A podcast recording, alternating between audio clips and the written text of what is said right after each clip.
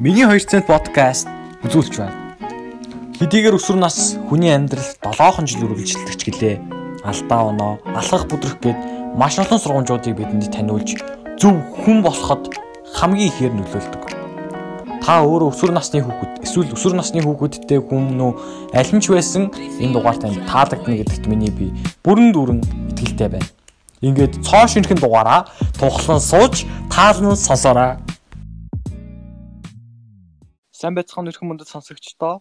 Миний 2 цаг подкастын маань цоо шинхэн дугаар хэлж байна. Өнөөдөр манад ч нор I English class-ыг нэмээ багш гамбагш маань олцож байна. Өнөөдөр бид нэр англи хэлийг хэрхэн сурах талаар, бидаа сурах талаар ер нь гол төлөв ярих гэж бодож байна. За сайн байна уу гамбагшаа? Урилгыг маань хүлээж авч олцож байгаа баярлалаа. За баярлалаа. Намайг энэ подкаста урьж оролцуулж байгаа дүүдэх баярлалаа. Бас сонсогч сонсогчдоо энэ өдрийн мэндийг хүргэе. За орчин үеийн хүн төрөлхтний хоёр дахь хэл болсон англи хэлийг дэлхийн нийтийн хэл гэдэгтээ марах хүн бол байхгүй байх л та.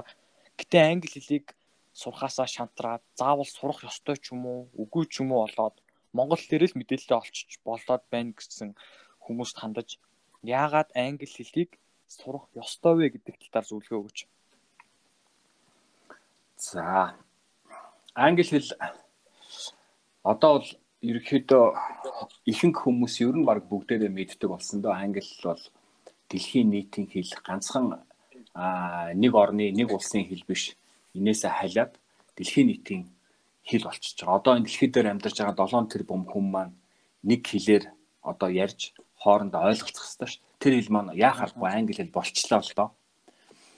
За тэгээд ингээд цаашаа аваад үзэх юм бол ерөөсөө англи хэлгүй байна гэдэг бол өөрөө дэлхийн нийтийн энэ соёл, энэ хөгжил бүх юмнаас хоцорж байгаа нэг илрэл болчихж байгаа. Тийм учраас англиг бид нэр зайлшгүй сурахгүй бол болохгүй. Одоо ерөөсөө л монгол хэл бидний төрлөх хэл. Тэгвэл дараагийн хоёр дахь хэл юу вэ гэхээр англи хэл болохоос гарцааг болчихж байгаа. Яагаад англи хэл вэ гэхээр түрүүн би дурдсан нэгдүгээр дэлхийн нийтийн хэл болж байна. Хоёрдугаарт тухайн хүн хөгжий гэх юм бол а одоо дэлхийн нийтийн бүх мэдлэг энэ ариун сан бол бүгдээрээ англи хэлээр байгаа даа байхгүй хамгийн сүүлийн үеийн хөгжлийн техник технологийн ололт амжилт бүх зүйл англи хэлээр ингэж хэвлэгдэж а хоримтлагдж байна л та. Тийм учраас бид нар одоо ямар нэгэн байдлаар өсөй, дэвжий, хөгжий, суралцъя гэх юм бол англи хэлийг зайшгүй битгээс аргагүй болчоод ийм цаг үед бол амьдарч байгаа. Аа тийм цаг үе бол тулж ирчээд байна.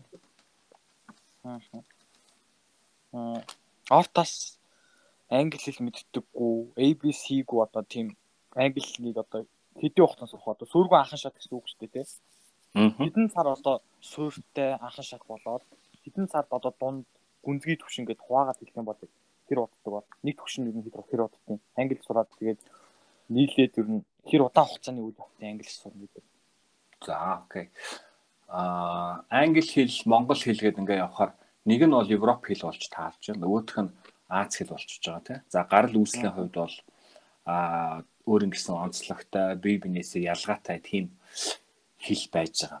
За тийм учраас одоо Аз хэлтэй одоо манай монгол хэлийг нугалмал хэл гэж ярьдаг. Тэр утгаараа монголчууд маань Европ хэлийг сурахад тодорхой хэмжээний цаг хугацаа бол зайлшгүй шаардлагатай. А яг хөө бид нар нөгөө социализмын үед бол ерөнхийдөө орос хэл сурж исэн тийм үе байгаа. А тэр үед тэр үеийнхэн англи хэлийг сурах юм бол бас харьцангуй гайгүй. Ягаад тэгэхээр өгүүлбэрийн бүтцээс ахуулаад одоо илүү сурахад дөхөмтэй сурах хугацаа нарай гайгүй гэдэг ч юм уу тийм ээ. Одоо тийм байж болдог. А тэгвэл одоо орчин үеийн хүмүүс бол шууд монгол хэлнээс англи рүү ингээд шилжиж байгаа ийм тохиолдолд бол тодорхой хэмжээний хугацаа шаардна. За би энэ дээр илүү дэлгэрэнгүй ярих гэж бодож байна. Юу гэхээр Англиг одоо бол манай Монголд 90 оноос хойш ингээд чөлөө зах зээлийн нийгэм ингээд олон ургалч үзэл, олон хэл сурна, гадаад хэл сурна ингээд гадаад хотод руу явход бол зайлшгүй юм шаардлага тулгарч байгаа. Тэр үед бол англиг ингээд сураад явход анх бол юу гэж орж ирсэн бэ гэхээр гурван төвшин бол анх орж ирж байсан байхгүй. Анхын шат, дунд шат, гүнзгий шат гэсэн юм гурван төвшнгөөр анх бол зааж эхэлж ирсэн. Одоо би бүр анх 1995 онд анх англи хэлний сургалтын дугуул ингээд тухайн үед дамжаа гэдээ би тэрэнд анх хамрагдчих байхад бол одоо их санаж байна. 95 онд ийм гурван төвшин байдаг гэсэн. А тэгээд ингээ 3 төвшнгөө бол нэг төвшингийн 45 хоногийн сургалт ингээ 45 45 45 гээд анхан тэгээд дунд ингээ гүнзгий гэсэн юм 3 шатаар олгодог байсан байна л. А тэр үед бол 45 хоногийн одоо нэг төвшний сургалт заахаар бол нэг төвшин бол харьцангуй хичээл заах контент буюу доторх хөтөлбөр нь харьцангуй их байгаад байсан. А тийм учраас зайлшгүй юм завсрын төвшингүүд бол гаргаж өгч байгаа яваан да. Тэр нь юу вэ гэхээр анхан болон дунд шат хоёрын хооронд pre-intermediate буюу одоо анхан дунд гэсэн завсрын төвшин гаргаж өгч.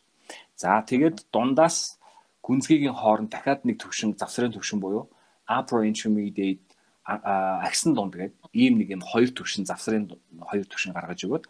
За бүр ингээд анхлан сурж байгаа хүмүүст бол ABC төвшин гэдэг дахиад нэг төвшин стартер юм уу beginner гэдэг ийм төвшин гаргаад өгч.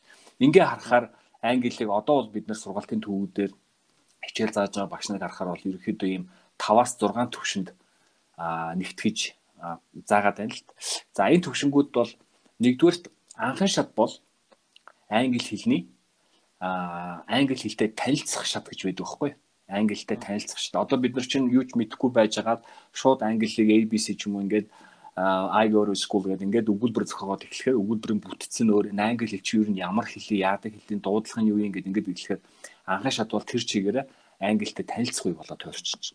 Энэ бол ерөнхийдөө а за 30-аас 50 хоног за 60 хоног юм уу? 2 сар 2 сарын хугацаатай. Ингээд дараа нь дунд төвшин рүү орж ирнэ. Дунд төвшин маань гүүрэн төвшин гэж үзэж байгаа байхгүй юу? Гүүрэн төвшин гэж юу вэ гэхээр гүүрэн төвшин буюу дундлын одоо энэ төвшин дээр очиод хүн бол ихэнх нь гацчдаг гэж ярьдаг тийм ээ. А ингээд тэр гацлаа гэхэд тэрэн дээр зогсож болохгүй. Ягаад гэвэл дунд төвшин бол гүүрэн төвшин. Ягаад гүүрэн төвшин гэж нэрлэж байгаа вэ гэхээр анхын шатны тэр англи хэлийг англитэй анх танилцсан хүмүүс дунд шатаар буюу гүүрэн төвшнгөөр дамжаад дээшигээ гүнзгий төвшин рүү орох хэрэгтэй. Тэгжээж одоо гүнзгий төвшөнд англи хэлийг илүү сайн, илүү академик төвшөнд илүү мундаг эзэмшижээж өөрийнхөө одоо хэрэгцээгээ шаардлага хангана шүү дээ. За ингээд үзэхээр англи хэл бол англитэй анх танилцах үе тэгээд гүүрэн төвшин, за гүүрэн төвшнөд дамжуулаад гүнзгий төвшин гэдэг энэ гурван шатыг ерөнхийд нь ингээд базаад явхад бол олон улсын хэл сурах хэмжээнд 6-аас 9 сар гэж үздэг байхгүй. Энэ бол одоо тухайн англи хэлийг сурж байгаа төвшнгөөс шалтгаална. Одоо чи бүр ABC төвшин үзэж байгаа бол дунджаар 9 сарын хугацааг зарцуулна. Аа дунд төвшнгөөс ч юм уу одоо илүү тодорхой хэмжээгээр мэддэг төвшнгөөс эхэллээ гэхэд дунджаар 6 сарын хугацаа зарцуулна гэж үздэг. Энэ бол олон улсын хэл сурах хугацаа байхгүй. Ганцхан англи хэл шиг ерөнхий дундаж хугацааг. За энэ дундаж хугацаанд яаж хөрөх вэ гэхээр өдөр болгон 60-аас 90 минут давтж байж энэ одоо 6-аас 9 сарын дараа бол өөрөө хүссэн төвшөнд очноо хүрнэ гэж үздэг. А мэдээж гэхдээ өдөр болгон сураад энээс илүү хугацаа зарцуулаад явах юм бол за доотлолт нь 6 тэгээд дээшээ 1 жил гээл ерөнхийдөө ийм дундаж хугацаа байдаг. Тэгээд 6-аас 1 жилийн хугацаанд англи хэлийг өдөр болгон 60-аас 90 минут сурах юм бол үнэхээр өөрөө хүссэн төвшөнд хүссэн зүйлээ бас сурах бүрэн боломжтой. Аа За одоо хоёлаа танаа English class-ыг минь сургалтын талаар жоохон ярив нүлээ тэгээд бас асуултаар бодож байна. Аа. Сургалтын сэтгэлээс харахад ер нь бусад сургалттай харьцуулах юм бол а English class яг ямар онцлогтой сургалт вэ? Аа. За баярлалаа. Манай А English class бол харьцангуй сүүлд үүссэн. Бид нар бол яг 2015 оноос хойш танхимаар үйл ажиллагаагаа явуулж ирсэн. Ингээд 2017 оноос эхлээд ерөнхийдөө энэ танхимаас гадна бас юм сүүлийн үеийн техник технологиг ашиглаад англи хэлийг илүү тийм онлайн байдлаар сурах боломжтой юм байна. Нэгдүгээр хоёрдугаарт нь энэ боломжийг бас хүмүүст олгоё. Дэлхийн хаанаас ч хамаагүй Монгол орны аль ч одоо өнцөг буланбарт амьдарч байсан хамаагүй ерөөсөө яг адилхан хүртээмжтэй тийм англи хэлний үйлчлэгийг ер нь хүмүүс санал болгоё гэсэн тийм зорилгоор 2017 оноос эхлээд 3 жилийн турш энэ одоо төсөл дээр бид нэр ажилласан. За тэгээд ажиллаад 2019 оны сүүлээр 20 оны эхээр ашиглалтанд орсон байгаа. Одоо энэ ашиглалтанд ороод нэг жил гаруй 2 жил зах болж байна. А манай энэ сургалтын онцлог бол юу вэ гэхээр олон давуу тал байгаа. За хамгийн түрүүний хамгийн түрүүнд хэлэх зүйл бол энэ маань цогц сургалт байдаг. Цогц сургалт гэж юу ямар сургалт хэлээд байна вэ гэхээр одоо танхимаар зарим тохиолдолд зааж чаддгүй орхигдуулдаг тийм зүйлүүдийг бид нэр онлайн сургалтаараа онлайны давуу талыг нь ашиглаад оруулж ирсэн байгаа. За энэ дээр юу юу байгаа вэ гэхээр үгсийн сангийн үгсийн сангийн аппликейшн бид нэр одоо энэ сайтн дээр суулгаад өгсөн байдаг.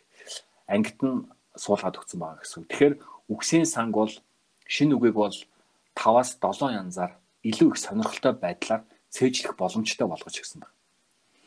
Аа зүгээр танхимаар бол яг хуу багш нь хэлнэ шинэ үг хэлнэ дагж хэлдэг ч юм уу те ингээд нэг анги дотор бол хязгаарлагдмал шинэ үгийг сурах. Аа тэгвэл аппликейшн суулгаж өгснөөрөө онлайнаар хичээл авснараа тухайн үгийг маш олон янзаар бүр нөгөө ангийнхаа хүүхдүүдтэй аа өрсөлдөх байдлаар тэмцээн зохиох байдлаар ингээд бүр сураа явах боломжтой. Дээрээс нь Америк уугуул native speaker-ийн одоо хэлснээр дагаж хэлээ дуудлагаа сайжруулах боломжтой маш олон янзаар ингээд цээжлэх илүү сонирхолтой л да илүү хурдан цээжлэгдэнэ гэсэн үг. За нэгдүгээр хоёрдугаарт нь бид нэр бас танхимаар тэр болгон заагаад бэдгүү үйл үгийг үйл үгийн одоо цагууд гэж ярьж байгаа да тенсүүдийг үйл үгүүдийг бол бүр маш системтэй байдлаар видео хичээл болгож оруулсан байгаа.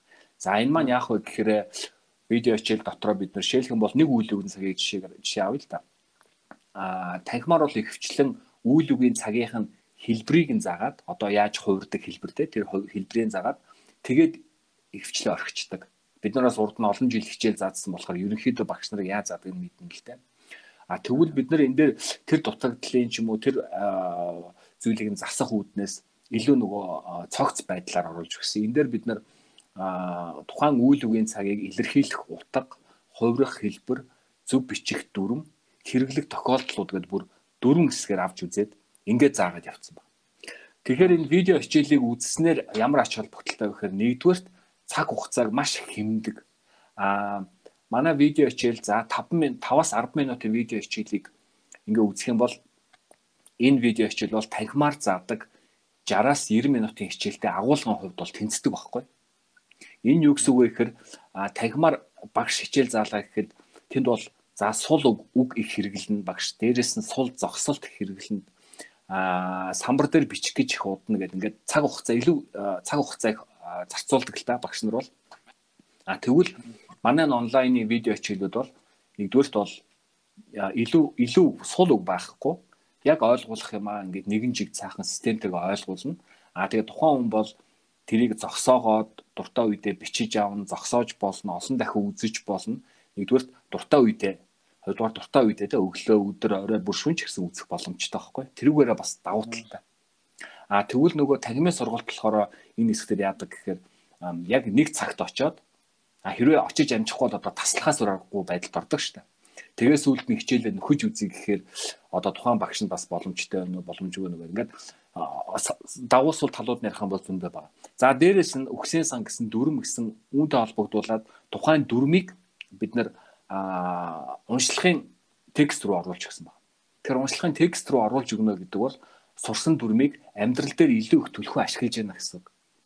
Тэгээ ингээд текст руу ороод харахаар өнгөөр ялгцсан байдаг. А өнгөөр ялгсныг харахаар тухайн үйл үгийн цагийг илүү их сайн ойлгоно.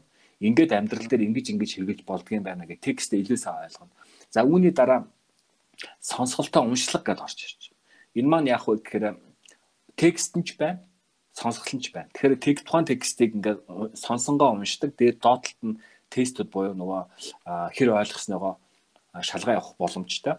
За ингээд сонсголтоо уншлахын дараа сонсголууд орж ирдэг байхгүй сонсголын аудионууд. Энэ аудионууд бүгдээрээ үтсэн дүрмтэйгээ холбоотой учраас маш ойлгомжтой. Ингээд давхар нөгөө сонсгол нь сайжрах боломжтой. Ингээд сонсголын араас явцын шалгалт орж ирнэ. Энээс өмнө орчуулгын хичээлүүд орж ирж байгаа. Орчуулгын одоо өгүүлбэрүүд гэсэн. Монголоос англи руу, англиас монгол орчуулгууд. Энэ дээр бол тухайн дүрмийг хэр ойлгосон дээрэс нь найруулгууд нь орж ирнэ гэсэн. Тухайн үйл үгийн цагийг бас олон янзаар бид нар найруулж нөхцөл залгаж орчуулдаг байхгүй. Тэрийгээ бид нар орчуулган дээр оруулж өгч болно гэсэн. Ингээд хэр юу сурсныгаа хамгийн сүүлд нь тухайн нэг модуль хичээлийн явцын шалгалт гэж орж ирнэ. Тэгэхээр одоо дүрмээр унших сонсохоор тухайн модуль хичээлийн буюу одоо тухайн сэдвт хичээлийг хэр ойлгосноор шалгаад автоматар ингээ хариугаа хараад явах боломжтой байдаг хгүй. А энэ энэ дээр нэмэгдээд бид нар зөвлөх багш байгаа. Дээрээс нь ярианы багштай. Ингээд ирэхээр чинь угаан тухайн хэлийг бол одоо цогц байдлаараа эзэмшиж байгаа гэсэн үг байхгүй юу? Энийг бид нар цогц сургалт гэж хэлээд. Аа. Тэгээд манай сонсогчд маань цогцтой системтэйгээр үр дүнтэй чанартайгаар сурахыг хүсвэл бас ай инглиш классик мэнэг сонирхоод үзэрэй гэж хэлмээр байна. За дараагийн асуулт. Англиг бидаас сурах юм боломжтой юу? Хэрвээ тийм бол хэдий их хугацаанд ямар зарчмын дагуу яаж сурах юм бол илүү гарах үр дүнтэйгээр сурч чадах болоо. Би даад сурах бүрэн боломжтой. За боломжгүй гэж юм э, зүйл байхгүй. Энд хамгийн гол чухал зүйл бол нэгдүгээрт маш системтэй, маш ойлгомжтой тийм сургалтын хөтөлбөр нэгдүгээрт хэрэгтэй байдаг. Би даад сурах гэж байгаа бол тийм ээ. Өөрөөр хэлэх юм бол энэ маань яадаг вэ гэхээр за би даад сурах гэдэг маань тодорхой юутай холбогдно. Настай холбогдно. За мэдээж бүр энэ жоохон 3 4 5 настай хүүхд бол шууд бие дагаа сурна гэхээр чинь бас тодорхой хэмжээний ийм нөгөө юунууд хэрэгтэй тийм сургалтын арга барил бүх юм хэрэгтэй. А тэгвэл тодорхой наснаас буюу 10-аас дээш наснаас бие дагаад сурах. Бие даах гэдэг маань ямар нэгэн багшгүйгээр сурахыг хэлээд байгаа байхгүй. А тэхийн тулд түрүүн биелсэн маш системтэй цогц хөтөлбөр хэрэгтэй байдаг юм дээр. Өөрөөр хэлэх юм бол тухайн хөтөлбөр тухайн хүнийг дагуулад аваад явна гэсэн үг. Одоо лид хийн гэсэн үг. Тэгэхээр энэ дээр юу хэрэгтэй вэ гэхээр а за энэ бол хөвчлэн одоо бие даана гэдэг бол нэг нэг бол номноос сурж болно, нэг бол ийм онлайн хичээлээс сурж байгаа. Уншихаар маш ойлгомжтой, үзэхээр маш ойлгомжтой байх юм бол хүн бол урамшаад энэ болох юм байна. Цаашаа хийгээд явах юм бол би ямар ч гэсэн бие дагаад сурах боломжтой юм байна гэд энэ урам зориг мотивац өгдөг тийм цогц хөтөлбөр системд хөтөлбөр хэрэгтэй байхгүй. А энэ дэр би дахиад нэг нэмээд хэлчих юу гэхээр одоо англи хэлний жишээлх юм бол би нөгөө ном онлайн хоёрын хооронд харьцуулах гэдэг л. За яг хуу 10 жилийн өмнө ч юм уу 5 жилийн өмнө англи хэлний номнууд дөрмийн номнууд ч юм уу илүү их хэрэгцээтэй байсан бол одоо энэ англи хэлний номнуудыг онлайн хичээлүүд оруулж эхэлж байна. За яагаад оруулж байна гэхээр давуу талууд онлайн хичээлүүдээр маш их байдаг. Жишээлх юм бол манай хичээлдээ жишээ авах юм бол за англи хэлний дөрмийн ном гэдээ байлаа л та. За дөрмийн ном дээр бол ингээд мэдээж дүрм явна, онлон явна, тайлбар явна гэсэн үг. Тэгээд дараа дараа нь дасгал явна. За ингээд ерөнхийдөө дуусчихж байгаа. Дасгал яваад ингээд дус баслахад дуусна. А тэгвэл онлайн буюу одоо манай энэ онлайн хичээлүүд, видео хичээлүүд яадаг вэ гэхээр номон дээр байхгүй үгсийн сангийн автоматар одоо нэг аппликейшн ашиглаж ашигла сургаж байна. Дээрээс нь дөрмийг нь тэр номон дээр зүгээр ингээд цаасан дээр бичигдсэн дөрмийг бид нар хөдөлгөөнтэй, дүрстэй, өнгөтэй бүр өндөр HD нягтрал сайтай тийм гоё Монгол багш нарын тайлбартай гоё хичээлүүдээр ингээд сонирхолтой байдлаар хөдөлгөөн дүрсээр ингээд тайлбарлчихж байгаа байхгүй.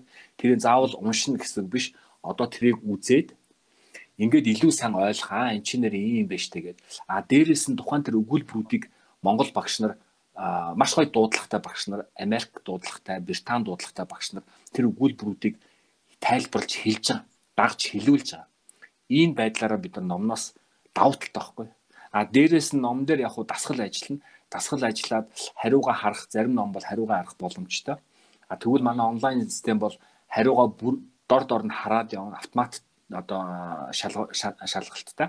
А дээрээс нь уншлагатай, сонсголтой, орчуулга тэгээд бүр явцын шалгалт гэдэг нэг бүр ингээд бүрэн бүтэн комплексаар шийдсэн болохоор номноос бол харьцангуй ол их давуу талтай гэж үзээд байна. А сурсан хүмүүс бол энийг бол ерөөхдөө хийлэн тэ. А ном бол одоо илүү тийм жоохон уйтгартай тал руугаа орцсон байгаа байхгүй. Одоо илүү тийм лайв, илүү тийм юу талаа сурах хэрэгтэй байна л та хүмүүс хүмүүс бие даад сурна гэх юм бол илүү тийм онлайн тал руугаа чиглүүлэх зүгээр байгаад болчиход байгаа. Хамгийн гол нь тэр тухайн энэ нөхцөлийг бүрдүүлсэн цогц хөтөлбөр, систем хөтөлбөр л хэрэг хэрэгтэй байна. Энэ дээр агуулж чухал. За би тэгээ дараа нь бас энэ дөр үргэлжлүүлээд ярина. За одоо би бас уншиж байсан л да. Тэгээ тэрэн дээр нэг ийм онгоо гарсан бохоггүй.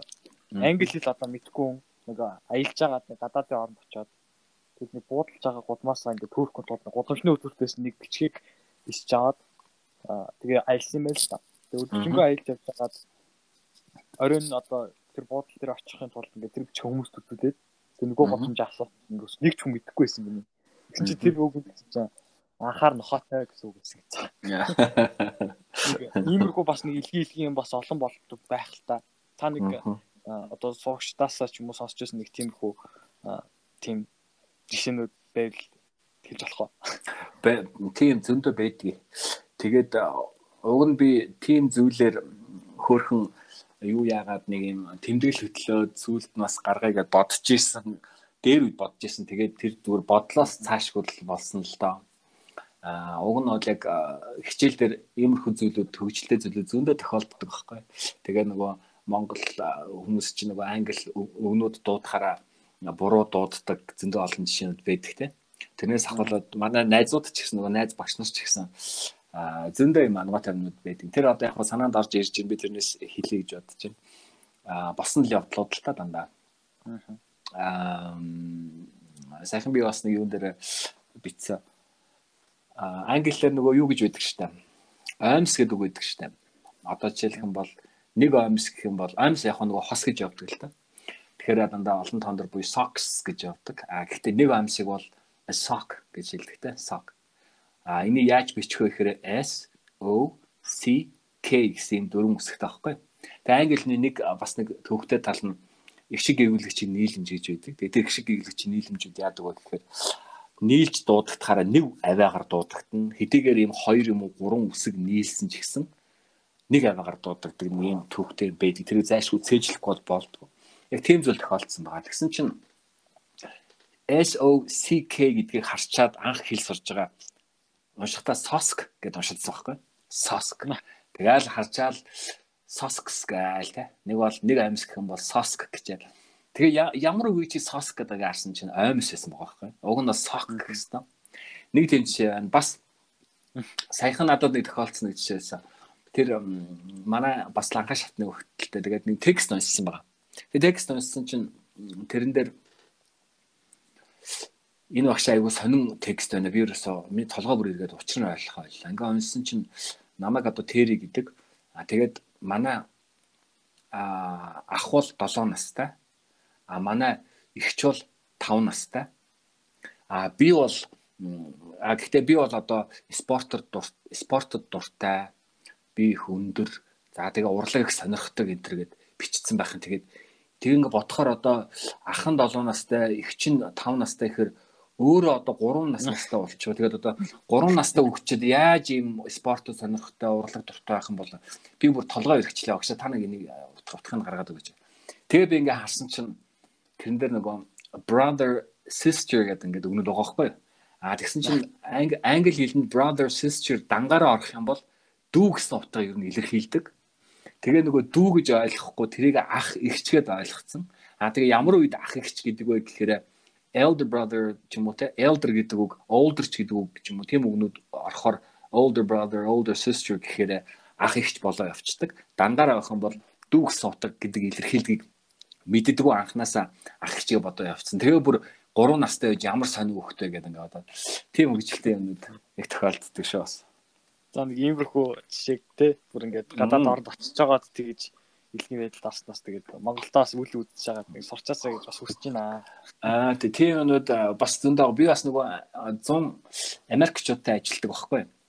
Аха. Тэгээд яг ингээд Америкчуудтай ажиллаад аа яг ингээд газар дээр нь одоо буюу одоо жинхэнэ Америк хүмүүс одоо миний заагаад байгаа хэлний төрлөх одоо хэлтэнгүүд гэсэн үг шүү дээ. Тэр хүмүүстэй их ажилладаг одоо ажиллаад бараг 10 хэдэн жил болж байна. Яг тэр хүмүүстэй ажиллахад бас их хөгжилтэй юмнууд зөндөө гардаг. Би ус өөрөө бас алдаатай хилдэг тохиолдод бас байдаг байсан юм байлээ. Тэгээд хилэн готор хүмүүс эхэндээ их гайхдаг гэсэн сүултээ. Нэг жишээ байгаа байхгүй бид нар яшч гоо. Аа зүгээр зүгээр нэрэж. Окей, нэг жишээ тэр жишээн дээр жишээлх юм бол ийм байгаа да. Би тэр үг ерөөсөө мэддэггүй байсан байлээ. Сүүлд нь мэдсэн. Аа бид нар нөгөө жуулчтай дагуулаад Америкчуудыг дагуулаад хоошоогоо юу руу явна л да. Хөвсгөл орно, хөвсгөл талаар. Тэгээ хөвсгөл өвс манай хөвсгөл аймгийн чинь нийслэл нь мөрөн сум байгаа шүү дээ. Мөрөн одоо мөрөн аймаг гэдэг аймгийн төвөө те. Мөрөн. Тэгээд мөрөн гэдэг үг чинь монголоор бол одоо гол мөрөн гэсэн утгатай шүү дээ. Тэгэл жуулчид асууна. Энэ одоо аймгийн төвийг юу гэдэг вэ гэж өөртөө бол ерөөдөө мэдсэн баг. Тэгэл би хэлнэ Мөрөн гэж хэлдэг байхгүй юу? Мөрөн мөрөн гэж хэлнэ. Тэгэн гот жоохон гайхсхийгээл явцдаг байсан. Яаж спеллинг одоо спеллинг яаж бичдэг юм бэхээр би хэлнэ M O R O N тэгээд нэг бол M U R U N гэж чинь хэлнэ. Ер нь бол хвчлэн юугаар бичдэг. Тэгсэн чинь л гайхаал тийм үү гэдэг. Тэгээ би сүүлд нь мэдсэн чинь Muron гэдэг англи хэлэнд үг байдаг байхгүй юу? Muron. Манай манай нөгөө гол мөрөн гэдэг мөрөнтэй аюу адилхан дуудлагатай. Гэхдээ англиараа бол Muron гэдэг дуудлагатай Muron. Бичлэг нь болохоор бас адилхан бичлэг бичлэгтэй. Тэгээ тэр нь ямар утгатай үг байсан бэ гэхээр тэнэг, мангуу, эргүү гэсэн утгатай үг байсан бохоггүй. Тэгээд би дуудахтаа их тэрнтэй төстэй дуудаад байсан юм шиг байна. За манай энэ хөсгөл одоо аймгийн төвийг бол одоо Муран боёо одоо нөгөө эргүү мангар тэнэг гэж нэ гэдэг. Би өөрөө тэр үгийг ерөөсөө мэдэхгүй анх яваад исэн. Тэгээ сүүлд нь мэддэг болсон одоо тэрэндээ тэгэл. Тэгээ сүүлд нь одоо тэрэн дээр анхаарч хэлдэг болсон гэдэг. Иймэрхүү юмнууд бол зөндөө тохиолддог байсан. Тий. Аа. Бас тэг дуудлага тэг бас алдаа байна л та. Англи хэлний дуудлага маш чухал. Хамгийн чухал юм англи хэлний дуудлага. Тэгээд бидний дуудлага муудлага яаж дуудах вэ? Хамгийн энэ дээр чинь нөгөө өргөлт гэж байгаа та англи хэлний үгийн өргөлтүүд маш чухал байгаа энийг буруу дуудах юм бол шал өөр утгатай болоо юм гэдэг. Энд дээр ингээд бид бүгднгийн дистаратаа гой заадаг гэсэн үг. Англиэр өөр нь хүн кино үзэж сурахтаа ямар дүрм баримталж үзвэл илүү сайн сурах болоо. Кино аа за нэгдүгээрт юугаар юу болно? Төвшин төвшнгөөрөө байгаа. За төвшин гэхээр анхлан суралцж байгаа хүмүүс бол кино гэхээсээ илүү Google-тэй кино үзүүлэх зүгээр гэдэг. Яагаад Google-тэй гэхээр Google-тэй чи өөрөө хүүхдэд зориулсан нэгдүгürt. Тийм учраас гарч байгаа үг хэллэг нь энгийн хүнд ойлгомжтой тийм байдаг байхгүй. Тийм учраас киног үзэхээсээ илүү Google-тэй хэлж үзээд одоо юу гэдэг нөгөө нэг юм хэлтгүүдийн мэдэж аваад англи нь ярианы хэлэг юм байдаг юм байна гэдэг. Тэгээд Google-тэйгээр дамжуулаад яванда кино руу орж болдно. Нэгдүгээрт нь а хоёрдугаарт нь дунд төвшөндөө ч юм уу тэрнээс дээд төвшөндөө хүмүүс бол кино үзэхдээ аа багш ойлгохгүй байна энэ одоо яах вэ их үү гэд ялангуяа нөгөө сонсгол сонсгол чи өөрөө харагддггүй а бус чадвараа бодох юм бол харцсангу удаан хөгждөг чадвар байхгүй яг тэгэхээр хүн зүрээс харагддгүй зүгээр хүний ярьсан сонсч яадаг болохоор хэрвээ мэдхгүй сонсчих юм бол а чи юу үлээ гэж гайхчихдаг тийм чадвар. Тийм учраас энийг эхлээд кино үзээд ойлгохын тулд сабтайтл буюу тэр нөгөө юутай нь үзүүлэх зүгээр гэдэг. Хадмал орчуулгатай нь үзүүлэх зүгээр гэдэг. Эхлээд эхлээд сабтайтлтай нэг үзээд аа нэг киног одоо 2-оос 3 удаа үзнэ л те. Хамгийн ихэнд сабтайтлтай үзэхээр яг хуу киногоо үзээд давхар сабтайтлаа хараад ингээ явчихаар тухайн киног аягүй сайн ойлгоно. 50% тай, 60% тай, 70% тай те ингээ ойлгоно. Яг тэгэхээр нөгөө тухайн хэлж байгаа зүйлэн дээр доотлолт нь гараад байгаа шүү. Бичгээр гараад байгаа шүү. Тэгэхээр харцсангу айгу ойлгочтой. Тэгэхээр нөгөө киног айгу сайн ойлгоод одоо болоод болмоор ч юм шиг те давхар хараад байгаа болохоор а ингэснийхаа дараа сабтайтлаа арилгаад одоо байхгүй болгоно гэсэн үг. А хэрвээ сабтайтлаа угийн кино тэрийг болж игэл харахгүйгээр дахиад нэг үзчих хэрэгтэй. Одоо одоо 100% сонсно гэсэн үг. А энэ тохиолдолд яаж нөгөө а тухайн юун дээр хэлэгдэжсэн үгнүүд ойлгохдохгүйсэн үгнүүд чинь сабтайтлаа урд нь үзчихсэн болохоор илүү их сайн ойлгохтоод нэр энэ дээр чи ингэж хэлсэн шүү дээ. Ингээд илүү арай гайгүй ойлгоод идэх байхгүй. А ингээд 3 дахь удаа үзэх юм бол бүр ямар ч сабтайтлгүй ингээд бүр 100% анхаарлаа төвлөрүүлээд үзэх юм бол одоо нөгөө ойлголт чинь нөгөө нэг юу чинь comprehension гэж ярьдаг да англиар илүү сайн ойлгоод эхэлнэ. Ингээд баг багаар нөгөө сабтайтлаасаа салах хэрэгтэй байнга сабтайтлтай кино үзчих юм бол муу зан сурчна. Сабтайтл байхгүй бол ойлгохоо болчдөг юм муу зан сурах гэдэг. Тийм учраас сабтайтлаас болж өгөл бага багаар салах хэрэгтэй байхгүй. Ядаж нэг кино хоёр эхний удаа үзэхдээ сабтайтлтайгаа үз, хоёр дахь удаа үзэхдээ сабтайтл үз. Ингээд юм бол одоо киног илүү сайн ойлгоно. Тэг хүмүүсийн харьцааг ер нь кино үзнэ гэдэг бол англи сэтгэлгээг илүү ойлгож авах гэсэн. Тухайн хэлний сэтгэлгээг илүү сайн ойлгоцсон тохиолдолд бол ямар ч хүнтэй харилцаад ойлголцоод байл гэсэн үг л дээ. За саяны манай бедаа сурдаг одоо бедаа сурах гэж байгаа хүн маань бүх даваад саад туулаад ямар ч байсан гүнзгий шатны мэдлэгтэй болчлоо гэж бодъё. Аа хийчихсэн. Тэгээд IELTS-та яаж би тааш бэлдэх вэ? IELTS чинь бас шинжлэх ухааны мэдлэг шаардсан шалгалт шүү дээ, тийм. Аа. IELTS-ыг IELTS бол а олон улсын англи хэлний шалгалт. За IELTS адилхан, TOEFL адилхан тийм ээ. Маань IELTS-ыг бол хүмүүс за зарим ингээл хүмүүсийг харж байхад андуураад байдаг. Юу гэхээр IELTS-ыг IELTS-ыг ийм тодорхой таахдаг буюу тухайн дөрвөн чадварыг яаж хийх вэ гэдгийг таахтгийг мэдчих юм бол одоо таагт гэдэг маань хурдан хугацаанд богино хугацаанд яаж илүү зөв хариултуудад олон олон зөв хариулт хийх вэ сонгох вэ гэсэн ерөөхдөө тактик байдаг шүү дээ. А энийг мэдчих юм бол их өндөр оноо өндөө авандаа гэсэн тийм бодолтой ер нь ихэнх нь хараад байгаад идэг над санагддаг. А тэр бол яг нэг талаараа тийм а нөгөө талаараа олон улсын англи хэлний шалгалтууд бол таны англи хэлний ерөнхий мэдлэгийг шалгаж байгаа байхгүй. Тэрнээс биш одоо зөвхөн тактикийг өгснөөрөө мэдснээр өндөр он аавна гэсэн ерөөсөө биш. Тэм учраас англи хэлний ерөнхий мэдлэг буюу дунд шатны, агсан дунд шатны, гүнзгий шатны одоо суур мэдлэг, гүнзгий юу ерөнхий мэдлэг маш сайн байх хэрэгтэй. Тэгжээж нөгөө шалгалтууд шалгалтуудаа өгөх юм бол харьцангуй өндөр оноог айгүй хантай авдаг гэсэн үг. Тэгэхгүйгээр одоо хантай авна гэдэг маань их тийм олон варианттайгаар ямар ч вариантаар хийсэн өөртөө ихтэй бүх юм мэдж байгаа учраас харьцангуй гайгүй оноонуудаа зөв бөглөөд зөв аваад явчихна гэсэн үг л дээ. А тэгэхгүй зөвхөн тактик дээр одоо заалгцсан хүн сандрал ихтэй байдаг хгүй. Өөртөө ихтгэл багтай. Тэгээ их сандралтай тийм байна. Яагаад тэгэхээр өөр юм асуучих юм бол мэдэхгүй байх үедээ гэсэн тийм сандрал ихтэй байдаг. Тийм учраас ерөнхий ангилны мэдлэг маш сайн байх хэрэгтэй. Өөрөөр хэлэх юм бол дунд ядаж дунд шатны төвшинг 100% мэдсэн байх хэрэгтэй бүр 100%. Ингээд агсан дундын төвшинг мэдээд гүнзгий төвшинг мэдсэн. Тийм байх нэгдүгээрт энэ яригдана. Хоёрдугаарт нь одоо төвшин болгон дээр ярих юм бол төвшин чадвар болгон дээр ярих юм бол чадвар болгон өөрийн гэсэн скил өөрийн гэсэн ийм такт өөрийн гэсэн ийм юунуудтай а сайжруулах аргуудтай. Одоо уншлага байлаа гэхэд уншлагаа яаж сайжруулах вэ? Сонсгол яаж сайжруулах вэ? Яриа бичиг яаж сайжруулах вэ тийм. Энэ болгон дээр өөрийн гэсэн аргуудтай л да. Энэ болгон дээр ярих юм бол нилээх цаг авах учраас ерөөхдөө нь бас ингэ хэлчихэ. А тэгээ манайх бас одоо давхар явах үеийг айлсэлснэ манай I English class цэг юм байна. Урд нь бол ерөнхий англи хэлний мэдлэгийг маш чанартай системтэй өгдөг зөвхөн яг энэ сургалт байдаг байсан бол одоо манайх энэ 6 сараас эхлээд 3-аас 10 насны хүүхдэд баг одоо хүүхдэд зориулсан бүр одоо баг үсгээ мэдэхгүй тийм тийм хүүхдэд зориулсан англи хэлний тусгай сургалтууд орж ирж байгаа. А дээрэс нь IELTS-ийн цогц сургалтууд орж ирж байгаа. Айлцсан цогц сургалт гэж юу ярьж байна гэхээр за түрүүний ярьсан сонсох, унших, ярих, бичих дөрвөн чадварын тактикуудыг заахаас гадна бид нар энэ дээр айлцад хамгийн түгээмэл хэрэглэгдэг хэрэглээний дүрмүүд. За дээрэс нь үгсийн сан орж ирнэ. Академик төвшөнд одоо хэрэглэгдэх үгсийн сан.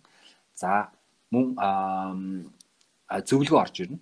Яаж өгвөл зүгээрөө гэсэн зөвлөгөө. Дээрэс нь тестүүд орж ирж байгаа mock тест жишг тест гэж явдаг тийм эднэр орж ирнэ гэсэн.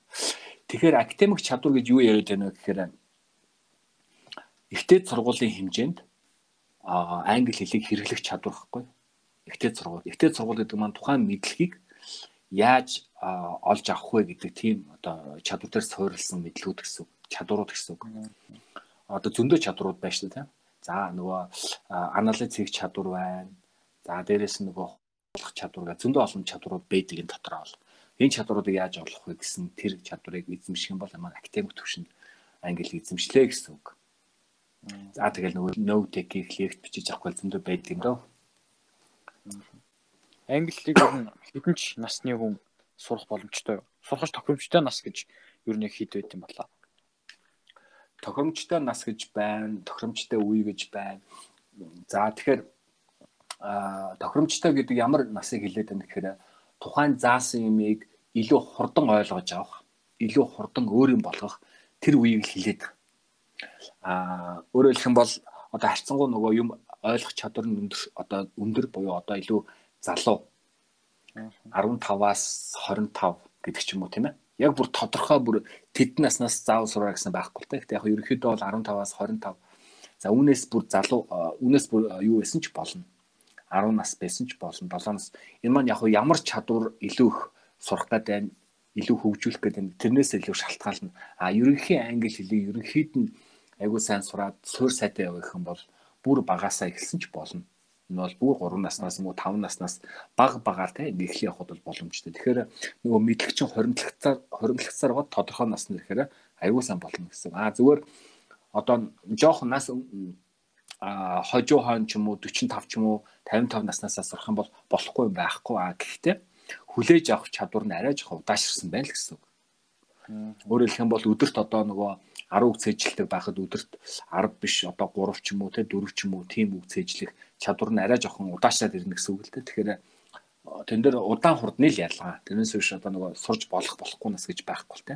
Нэгдүгээрт хоёрдугаарт нь тухайн хэлийг сурж байгаа хүн бас ямар өдрийн ямар үед тухайн хэлийг сурвал илүү зүгээр гэдгээ бас тогтоож үлэх зүгээр байна. Яагаад тэгэхээр өглөө эрт За 5:30-аас ч юм уу өглөө эртэж хүмүүс байдаг шүү дээ. 5-аас юм уу 6-аас сурах юм бол тухайн юу мэдлэг шин мэдлэг хүлээж авах тэр нэг үеийн илүү сэргэг байдаг. Тэр тэр хугацаанд нэг 5-аас 7 цагийн хооронд хэлийг сурах юм бол хүлээж авах чадвар нь харьцангуй бус тухайн өдрийн үетэй харьцуулах юм бол харьцангуй сайн.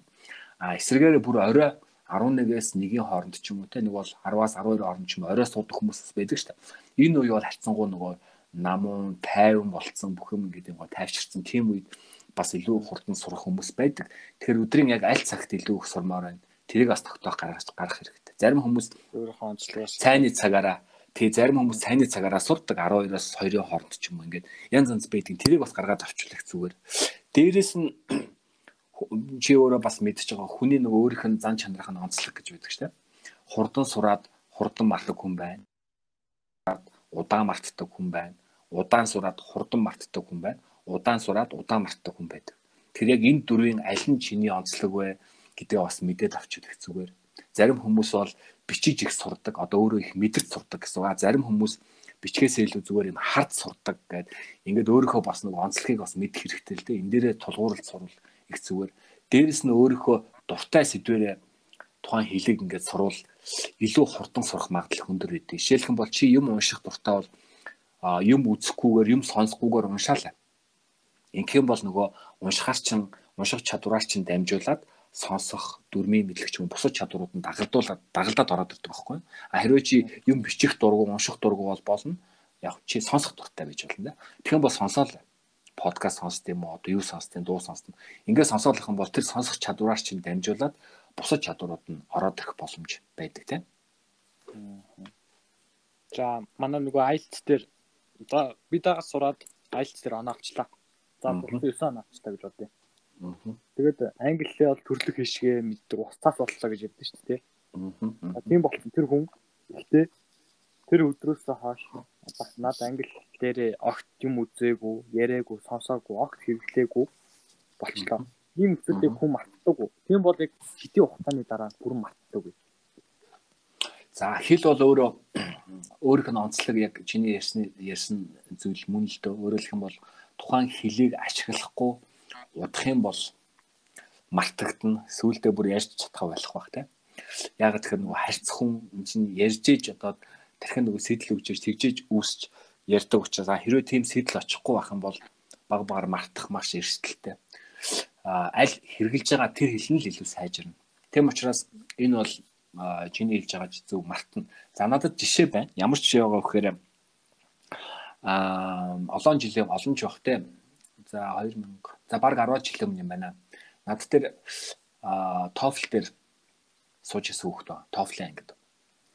Тэгээд анги гэдэг маань аа 120 онооны нэлээ өндөр түвшинд 90 хэд авчлаа да баг 100 шахуулж авсан юм аа.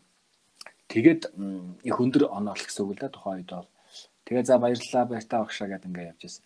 Тэгээ явчаад 3 байна уу 4 жилийн дараа надад эргээд ирчих байгаа байхгүй. Тэгээ тэр хүү юу гэсэн бэ гэсэн чинь багшаа шалгалт өгсөн чинь би дунд чатанд тэнцлээ гэж байгаа байхгүй. Хөөш юу вэ чи чинь 3 4 жилийн өмнө TOEFL-ийн тэр өндөр оноог аваад явсан биз дээ ямар сони яасан хийсэн гэдгсэн чинь харин багшаа би тэрнээс ч хойш ерөөсө давтахгүй ингээд өөр ажил мажил гараад ерөөсө давтахгүй явсаар хагаад 3 4 жил ингээ харсангүй. Тэгээд ерөөсө баг нь мартцсан юм шиг. Тэгээд шалгалт өгсөн чинь яг миний төвшин дунд төвшөнд орчлоо. Би ер нь нь мартцсан байна гэж байгаа байхгүй. Тэгээд энэ жишээн дээр ингээ харахаар бол хэл өөрөө мартагддаг байгаа байхгүй. Тэр хүн ерөөсө давтаагүй явсан байна. Ерөөсө давтаагүй. Аа тэгэхээр энэ хэлийг бол айгүй хурдан мартаж болох юм байна. Бас айгүй хурдан сэргээж болох юм байна. Анаад бас дахиад нэг жишээ. Юу гэхээр миний урд нь ажилладаг байсан газарт бас Самалаас ирсэн англи багш байсан байхгүй. Тэр багш ирээд Монголд ирээд нэг жил хагас болсон юм аа. Тэгсэн чинь сүүлийн яг 3 4 сардаа бол миний ажиллаж байсан газар Матацог ажилласан. Тэгээ монголоор бол яг black хар багш л та нэг багш. Тэгээ тэр багш монголоор бол чөлөөтэй ярина. Бараг бидний ярьсан бүх юмыг ойлгоод бидэртэй адилхан ингэж монголоор ярьдаг. Тэгээд тэрэн дундаа бүр өвөрмөц хэл цэнцээр бүр бүгд нь ойлгодог, өөрөө тэрүүгээр ярьдаг. Тэгээ бид нар хараад Бог шамшиг ийм одоо юу нэг хүмүүртлээ хар хүмүүртлээр монголоор ингэж ярьдаг хүн бараг байхгүй байхаа махаа гэж тэр явуулдаг гэсэн.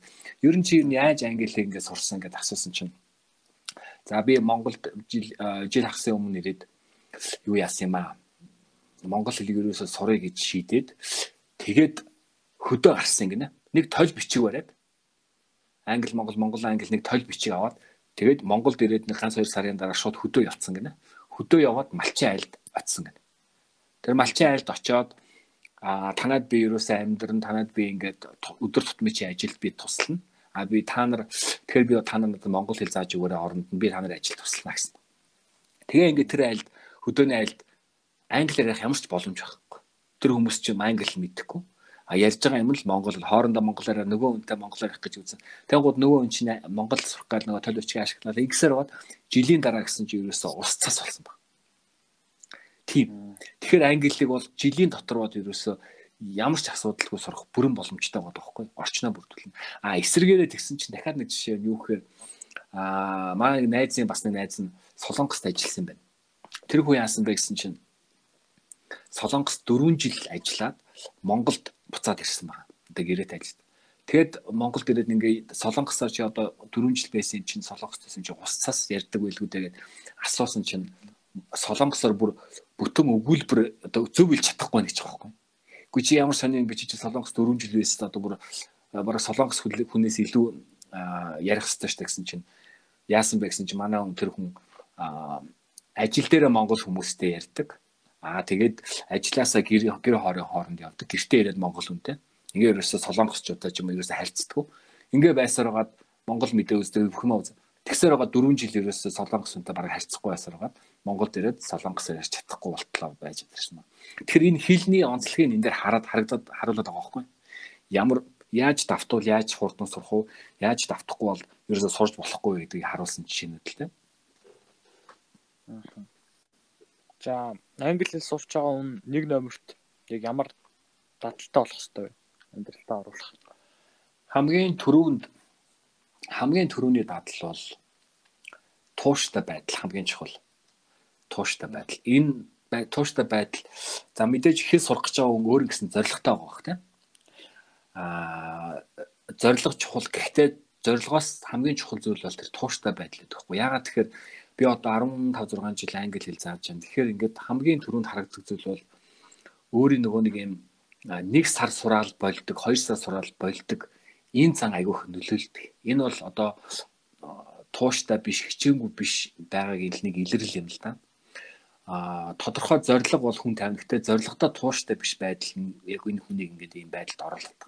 Яагаад тэгэхээр нэгэнт одоо би энэ зоригтой хүрнэ гэдээ одоо тууштай байгаа хүн бол өдөр болгон хийдэг энэ байдлаа 365 хоног алдахгүй хийдэг байхгүй. Ингээ 365 хоногийн дараа шал өөр төвшөнд очсон байгаа. Яагаад тэгэхээр энэ хүн өдөр болгон хийж чадсан, өдөр болгон 60 минут хийж чадсан. А тэгвэл эсэргээрээ нэг сар ч юм уу 2 сар сураад За ерөөсөө би нэг бол сурахгүй юм байна. А нэг бол энэ сургалтын төв надад зааж чадахгүй юм байна гэсэн ийм хоёр бодлын аль нэгэнтэй болоод ингээд дундаасаа орхидог. Нэг бол ажил нь ажил гараад төрдөө орхиё гэдэг ч юм уу те хоошин тавья гэдэг хоошин тавьчихдаг. Тэгээд нэг сарын дараа 2 сарын дараа за одоо англитэй дахиад сурахгүй болохгүй байна гэд буцаад ороод ирэхээр тийм уусаад өнөө ирчихсэн. Буцаад ороод ирэхээр нөгөө урд нь сурж ирсэн юм а мартцсан байдаг. Тэгэн гут урд нь сурж байсан юмнаас нь дахиад эхлэе гэхээр наадах чи би үдсэндээ ер нь харахаар би наадах чи мэдээд ах ингээд. Тэгээ яг ингээд ашиглаж чадчихна угаад яриулаад үзэхээр тэрийг ашиглаж чадахгүй бичүүлээд үзэхээр бөөгн алдаа. Тэгээд ингээд тэрийгээ дахиад сурах гэхээр нэг юм аа ингээд давтан давтан үзээд байгаа юм шиг санагдаад сүүлдээ за ерөөсөө би бүтэхгүй юм байна. Би сурахгүй юм байна. Нэг бол би англи хэлний авьяасгүй юм байна гэдэг. Ингээд өөрийнхөө тууштай бис зангаасаа болоод гарах үр дагаврыг өөрөө ингээд идэлж эхэлдэг байхгүй. Тийм учраас хамгийн гол зүйл бол тууштай байдал. Яг сурыг гэж байгаа бол нэг зорилго тавиад тэр зорилготой хүрэхин төлөө л явах хэрэгтэй. Инхийн тулд 365 нь хамгийн доотлол нь сур. Аа бид нар бол яг нэг английн жинхэнэ мэрэгжлийн багш, мэрэгжлийн багш орчуулагч гэсэн утгаараа англиг бол 4 жил үзсэн. 4 жил үзэхдээ бол маш одоо тууштайгаар үзнэ. Тэгжээж одоо нөгөө бүр цаатлын одоо одоо оргилхэн цаашаа ер нь бол яг нөгөө энгийн хүмүүсээс илүү сурах сурж ээж нөгөө хүнд заах хэрэгтэй шүү дээ. Тэгээ яг тэр хэмжээнд хүрэхин тулд бид нэр өдөр шөнөгүй хийдэг байсан. Тэрнтэй адилхан 4 жил биш юм аа гэхэд 1 жил ямар ч байсан сайн сурах хэрэгтэй. Тэгэх юм бол хүн их шал өөр болно. А англи хэлний нэг онцлог байдаг. Юу гэхээр англи жоохоо хэлний нэг онцлог байдаг. Гадаад хэлний. Ямар онцлог вэ гэхээр хүнд сайжирж байгаа нь ерөөсөө мэддэхгүй. Ингээд нэг сарын дараа ч юм уу 2 сарын дараа хийхээр яг бах байдгаараа юм шиг л байгаад байна. Тэгэхээр тэгэхээр нөгөө хүн чи боддог байхгүй. За би ерөөсөө сорохгүй юм байна. Наад ерөөсөө мэддэхгүй. Надад ахиц гарахгүй байна гэсэн тийм одоо бодол ч юм уу тийм яриа гардаг. А тэгвэл танд бол ахиц гарч байгаа. Хамгийн гол нь тань ерөөсөө мэддэхгүй. Хизээ мэддэхгүй гэхээр нэг юм хагас жилийн дараа энэ төр одоо мэддэгдэн яаж мэддэхгүй гэхээр шууд юм гэрэл асж байгаа юм шиг өдөр болж байгаа юм шиг болохгүй шүү дээ. Яаж мэдгэдэггүй гэхээр ийм текст аваад нэг ийм текст аваад уншихаар мэдхгүй цөөрцөн харагдаал тий. А ингээл хүнтэй ярих гэж ярмаарч юм шиг санагдаал ийм юм юм сонсохоор ойлгож ойлгоол ингэ тэгж мэдгэдэг байхгүй. Тэрнээс шууд ингээл шүн байж байгаа л өдөр болчих юм гэрэл асаасандаа адилхан тийч ерөөсөө мэддэггүй шүү хэл. Тэгээ тэрэн дээр хүмүүс анхаарах хэрэгтэй. Тэгэхээр тууштай байдал нь амар нэг шүү. Одоо танай сургалтанд үг зээжлэх 7 арга байдаг гэсэн тийм одоо 7 өөр арга зээжлэх. Тэгэд үг зээжлэхөр нь ямар арга үрд үнэтэй байдсан болоо? Таны зөвлөх. За үг зээжлэх бол мэдээ заашгүй гадаад л сурж байгаа хүнд байх ёстой чадруудаа нэг. А энэ дээр бол түрүүн би хэлсэн тухайн хүн харж цээжилж одоо толгоонд нь үлдэж гэнэ үү? Цээжинд нь үлдэж гэнэ. А нэг бол бичиж цээжиг цээж нь одоо толгоонд үлдэж гэнэ үү гэдгийг эхлээ гаргаж А би бол яаж сурсан гэхээр бицэж хийжилдэг байсан англи нүгнүүдийг. Эхлээд үгнүүдээр цэжлээд явандаа өгүүлбэр рүү оруулах боломжтой. А яагаад бичээд тань гэхээр би нэг зүйлийг ажигласан байхгүй. Яг би хүмүүстэй адилхан юм шинэ өгнүүдэд бичээл энэ тэнд наагаал ингээд байдаг байсан. Тэгээ сүүлдээ нэг юм ажигласан тэндээс нэг дутагдaltaй тал юу вэ гэхээр ингээд харахаар энгийн одоо 4 5 үсгтэй өгнүүд бол болчиход байгаа. А арай жоохон урт өгнүүд ороод ирэхээр харсан юм нь мартагдаад тэрийгэ бичгээр нөгөө дундаас нь өсгнүүд хаяад байсан байх лээ би. Тэгэхээр тэрийг ингээ бөө алдаа доогор нь улаан зураас мураас гараад инхээр миний алдаа гарч ирж байгаа байхгүй би нөгөө зүгээр харц хийж харц чийзлсний гор нь гарч байгаа гэсэн. Тэгэхээр би за биц маань гээд нөгөө урт өгнүүдээ ихвчлэн дандаа бичиж хийжилдэг болсон. Аа за англи өгнөд одоо одоо silhouette гэдэг үг байна тийм silhouette а хар цагаан гэдэг үг байна. Acquaintance гэдэг танил гэдэг үг байна. Daughter гэдэг янз янз өгнүүд байгаа. Эдгээр чинь бүгдээрээ яг нөгөө үсгнийхаа юугаа тоогоор биш зүгээр хитэн цөөхөн ингээ аваагаар дуудагчдаг байхгүй. Тэгэхээр тэр дунд нөгөө үсгнүүд үлдэх магадлал өндөртэй. Англи нийтний сул тал нөгөө бичигдснээрээ дуудагддаг шүү дээ. Жишээлбэл daughter гэхэд л охин гэхэд л 8 үсгтэй мөртлөөр 3 4 хүн аваагаар дуудагдчих. Тэгэхээр тэр 8 үсгийг алдахгүй бичих хэрэгтэй байхгүй юу? Бид нар чи одоо бичгийн ангиллаа хөгжүүлэх хөндлөлт одоо зөв бичих байх хэрэгтэй шүү дээ. Тэгэхгүй дуудлагаараа бичээд байх юм бол бөөн алдаа бичнэ. А дуудлагаараа бичихэд гардаг алдаанууд ихвчлэн харж цээжилсэн хүмүүст тохиолддог. А бичиж цээжилсэн хүмүүст бол энэ тохиолдол нь харьцангуй бага байдаг байхгүй ягаад гэвэл бичээд цээжиндээ тогтооцсон ийм юм өсгөнүүд энэний дараа орж ирэндээ мэддэг болсон болохоор а тэр бол бичих арга. А зүгээр яг илүү сонирхолтой уйдахгүй байдлаар сурах гэх юм бол одоо манай энэ миний яриад байгаа 7 төрөл 7 төрлөөр аппликейшн ашиглаж цээжлэх ийм арга байгаа. Энэ дээр бол нөгөө бичиж цээжлэх, бичээд монголоор үгээ бичээд англиар гарч ийн, англиар бичээд монголоор гарч ийн гэдэг янз янзаар гарч ирдэг. Тэгээд нөгөө технологийн дэвшил одоо бид нар гүйцэтгэхээс гүйцэтгэхээс өөр яг одоо тэгэхээр технологийн дэвшлийг ашиглаад илүү сайн, илүү сонирхолтой байдлаар цэжлэх боломжтой болж байгаа. Гэхдээ энэ дэр сүлд нэг юм л чи энэ дэр нэг юм байгаа. Үг цээжлснээр англи хэлийг сурна гэвэл бас жоохон эндүрэл болчих гэдэг. Одоо үг цээжл, үг цээжлэгээ даа. Хичнээн үг цээжлээ тухайн өгүүлбэрийн бүтцийг мэдэхгүй бол ялангуяа асарсан, угсарсан нийлмэл өгүүлбэрүүдээр одоо хоёр энгийн өгүүлбэр хооронд нийлүүлээд 3 том класс үүсгэж байгаа л. А ийм тохиолдолд нөгөө угсарсан өгүүлбэрүүд чинь ороод ирэхээр хичнээн тэр мянган үгийг мэдээд хичнээн тэр өгүүлбэрт орсон 10 үг ч юм уу 20 үгийг мэдээд утгыг гаргах чадахгүй байх тохиолдлууд маш их байдаг.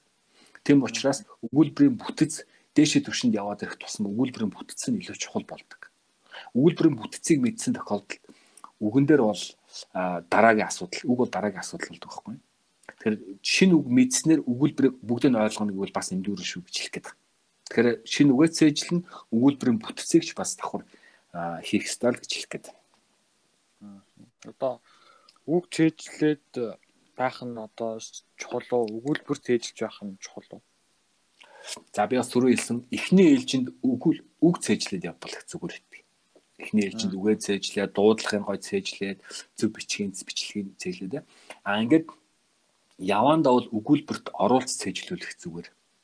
Өгүүлбэрт оруулна гэдэг маань а тухайн үг маань тухайн өгүүлбэрт орж ирэхээр өөр утга гарах боломжтой байдаг байхгүй англи хэлний англи хэлний үгнүүд чинь нэгээс дээш хоёроос дээш утга илэрхийлдэг дээ.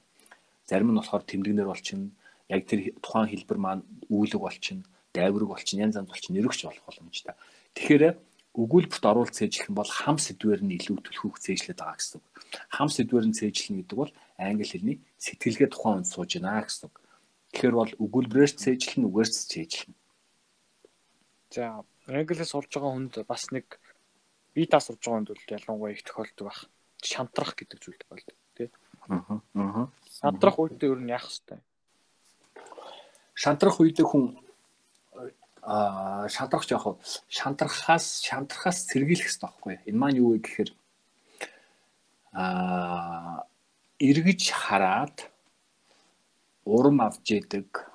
За тэндээсээ урам зориг авч идэг тийм жижигхэн хөрхөн зоригтой болох хэрэгтэй байна зориг. За жижигхэн зориг ч гэж байгаа те. Энэ зоригтой байх хэрэгтэй. А энэ зориг яг үнэхээр энэ зорилгыг үнэхээр биелэгдэх үйс тийм зорилтуудтай холбож байна. Өөрөөр хэлэх юм бол хитрхи тийм том зориг зарим хүмүүс тавьчихдаг өөртөө. За одоо би айлцын 8.5 оноо ч юм уу 9 оноонд хүрнэ. Тэгээ өөрөө болохоор яг шалгалтаа өгөхөр 5 оноонд ч хүрэхгүй мэдлэгтэй байгаад байдаг. А тэгэхээр нөгөө англиээ ингээл үзэж байгаа л шалгалт мок тест ч юм уу тэр өгөхөөр 5 оноонд хүрэхгүй ч юм уу 6 оноонд хүрэхгүй энэ төр авчаар сэтгэлээр унна. Яагаад тэгэхээр тэр хүн хитрхи өндөр зорилт зорилго тавьсан байгаа байхгүй. А тэрнийхээ оронд сарын зорилго, 2 сарын зорилго, нэг улирлын зорилго өөртөө тавьчих болно. Одоо хүрхүүз, хэмжигдэхүүз гэж ярьдаг. Тим зорилго тавьчих. Өөрөөр хэлэх юм бол за энэ 7 хоногт би энэ үйл үгийн цагийг аюу сайн мэдээд бүр одоо бүгд аягүй сайн мэдээд энийгээ би уншлаган дээр энийгээ би сонсгол дээр а дараагийн 7 хоногт энэ үлгэн цагийг би яриан дээр ашиглаж сурна. А тэгээд тэр 7 хоногтоо би энийг энүүгээр өөрийнхөө санааг илэрхийлж бичиж сурна гэдэг ч юм уу. Энгийн ийм хөрх хөрхөн зорилгууд одоо хөрхүүц гэсэн үг, чадхууц гэсэн үг. Тийм зорилгууд тавиад яваад тэрэндээ хүрээд явах юм бол шантрах нь харьцангуй багасчдаг байхгүй. Хүн ямар үе шантрах вэ гэхээр хийж чадахгүй ч юм уу ойлгохгүй байгаа үедээ шантрна. Тийм учраас одоо ойлгож болохоор хийж болохоор биелэгдэхүйц тийм жижигэн жижигэн зорилгууд тавиад зорилтууд тавиад энэ э, жижигэн зорилгоороо зорилтоороо том зорилгод хүрээрэй л хэлэх гэж байна. Англи хэл сурсны хүчинд танд ямар эерэг үр дүн гарсан бэ? Өмнөх үетэйг харьцуулах юм бол аа 10 жил байхдаа л би ер нь бол яг хэлэнд их дуртай, орс хэлэндээ их сайн тийм хөлт байсан л та. Тэгээд ер нь бол яг яг бүр ирээдүй бол тийм болно гэж 100% хэлэх хийсэн шүү дээ. Яг ерөөхдөө прогноз ерөөхдөө нэг юм төсөөлөл явдаг байсан. Гэхдээ англи хэлэнд англи хэлийг сурснаар би их онсон. Ягаад ч англиг сонгоцсон. Би уг нь бол герман хэлгээ явжсэн байхгүй яа. Герман хэлний багш орчуулагч болно да гэдэг ингээ явж байгаа. Яг герман хэлний ангид орох гэжсэн хүмүүлгийн сурвал би уг нь герман хэлний ангид орох гэж болоод тэгээ ягаад чи англи хэлний ангид орцсон Гэтэ англиний тухайн үед бол англи хэл бүр яг одоо одоо үетэй адилхан тийм амар хэрэгцээтэй биш байсан бохгүй ялангуяа Монголд бол тэгж хэрэгцээг нь гаргаагүй. Тэгээ би за за англи багш орчуулагч болчихъя гэдэг ингээ орцсон. Тэгээ ороод ингээ явснаад бол үнэхээр эерэг үрдэн бол мэдээж зөндөө гарсан. Аа тэгээд аа өөр хэлийг ялангуяа гадны хэлийг ингээ сурахаар сэтгэлгээ чинь их өөр болж ирнэ. Дээрээс нь тухайн сурж байгаа хэлнийхаа соёлыг хүн аягүй сайн ойлгоно. Тухайн соёл гэдэг бол өөр англи чинь дэлхийн хэл учраас дэлхийн соёлтой болж байгаа. Тийм учраас өөрөөр сэтгэж эхэлнэ гэсэн үг тийм. А нэг хилтэй бол чи нэг юм коридороор л яваад байна гэсэн үг. А нэгээс дээш хилтэй сурах болох юм бол чамд коридорын хажуу талд хаалгууд нэгдэж эхэлнэ гэдэг багхгүй коридорын хажуу талд байгаа хаалгууд. Тэгэхээр чи одоо хэл сурах болгондоо л шинэ хаалга нэгээл байна гэсэн өөртөө. Шинэ цонхч нээж нээж ингэж үзэж байна. Тийм учраас илүү өөрөөр сэтгэх нь илүү их соёлтой болно. А илүү одоо нөгөө гадны хүмүүстэй тухайн хэлээр ярилцж байгаа хүмүүстэй найз болох боломжтой. Ингээд найз болсноороо чи өөрийгөө илүү их тэлнэ. Англиар бол би маш олон найзуудтай болж ирсэн. Маш олон хүмүүстэй харилцаж ирсэн. А хэрвээ би англи сураагүй байсан бол одоо яах байсан байгаа бас л надад бол одоохондоо төсөөлөгдөхгүй байна л да. Тэгээ би англи хэлээрээ гадаадд аялал жуулчлалаар явсан ч гэсэн хин нэгнээс хараат биш болчихж байгаа байхгүй. Өөрөөр хэлбэл бол энэ хүн юу гэж надад орчуулад орчуулад өгөөч гэх ямар шаардлагагүй би өөрөө яриа явчихна. Асуудал байхгүй тийм. Тэгээ ингээ явчихна. А дээрэс нь энийгээ англиар ашиглаад олон улсад бизнес хийж болж байна. А бас өөрийнхөө сурсан мэдсэн зүйлүүдийг одоо энэ шавнартаа хүмүүс а share хийгээд явж болно те. Гих заагаад сургаач юм ингээ явж болж байгаа. Тэгэхээр англи хэлгүүгээр миний амьдралыг бол төсөөлөх аюу хэцүү болчихлоо юм л да. За одоо бидээ сурж байгаа хүмүүст бас нэг гардаг асуудал бол ярих байдаг тийм. Одоо орчинд нь байдаггүй одоо анх сонсоод ингээд подкаст сонсоод болж байна. За унших чадвар бас ингээд ном уншаад одоо үлгэрийн номноос эхлүүлээд юм уу тэгээд бас хөгжүүлж болж байна. Бичих чадвараа хөгжүүлж болж байна. Гэхдээ ярих чадвар бол хамгийн сүүлд хоцорчдаг. Тэгээд би дас болж байгаа хүн ер нь ярих чадвар яаж хөгжүүлэх зүгээр. Аа би дад сурж байгаа хүн аа ярих чадварыг хөгжүүлэхдээ хамгийн нэгдүгээрт миний зөвлөх зөвлөгөө бол хамгийн түрүүнд өөртөө зуршил үүсгэн. Зуршил. Одоо зуршил гэдэг маань одоо яг хуу хөвшил гэсэн үг л дээ. За энэ маань яадаг вэ гэхээр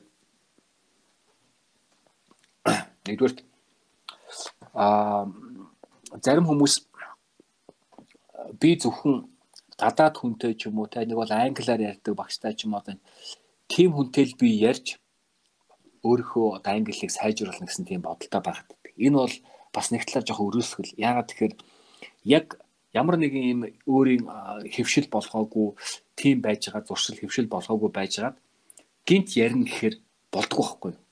Яагаад тэгэхээр англи нийт өгүүлбэр нь бүтцэн одоо монгол нэгээс өөр учраас монгол хэлтэйгээ адилхан санаад өгүүлбэр нь бүтцээ буруу байрлуулад ингээд яриад эхэлчихдэг. Тэгэхээр нөгөө ярьж байгаа хүнд нь уран байхгүй чи өөрөө түг таг түг таг гэдэг ингээд хэцүү. Тэгээ ингээд хэцүү байдал үүсчин. Тэм учраас тийм алдаа, тийм юм гаргахгүй тулд эхлээд өөр дээрээ туршилт хийгээд өөр дээрээ хөвшил, зуршил үүсгэж явах хэрэгтэй байна. Энэ яаж үүсэх вэ гэхээр а за одоо англи сурж байгаа хүн болгон to be үйл үг гээл мэднэ. Present simple буюу жирийн одоо цаг present continuous tense гэл ингээл өнгөрсөн цаг ч юм уу continuous цаг календарны цагууд бол үзэл явдаг тийм.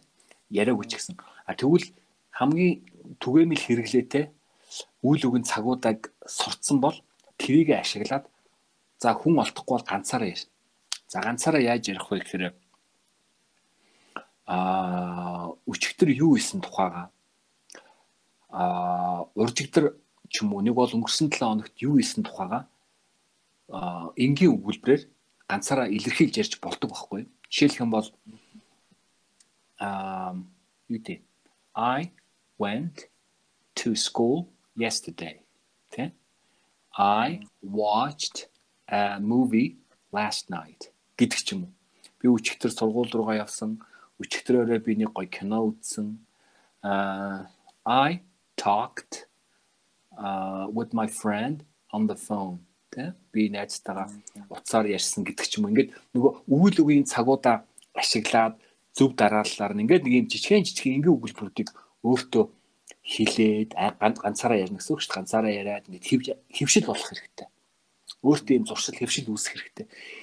А дараа нь яг одоо юу хийж байгаагаа бас ганцаар ярих боломжтой байхгүй. Жишээлх юм бол now or right now I am talking to a friend гэдэг ч юм уу. Нэг right now I am watching a television.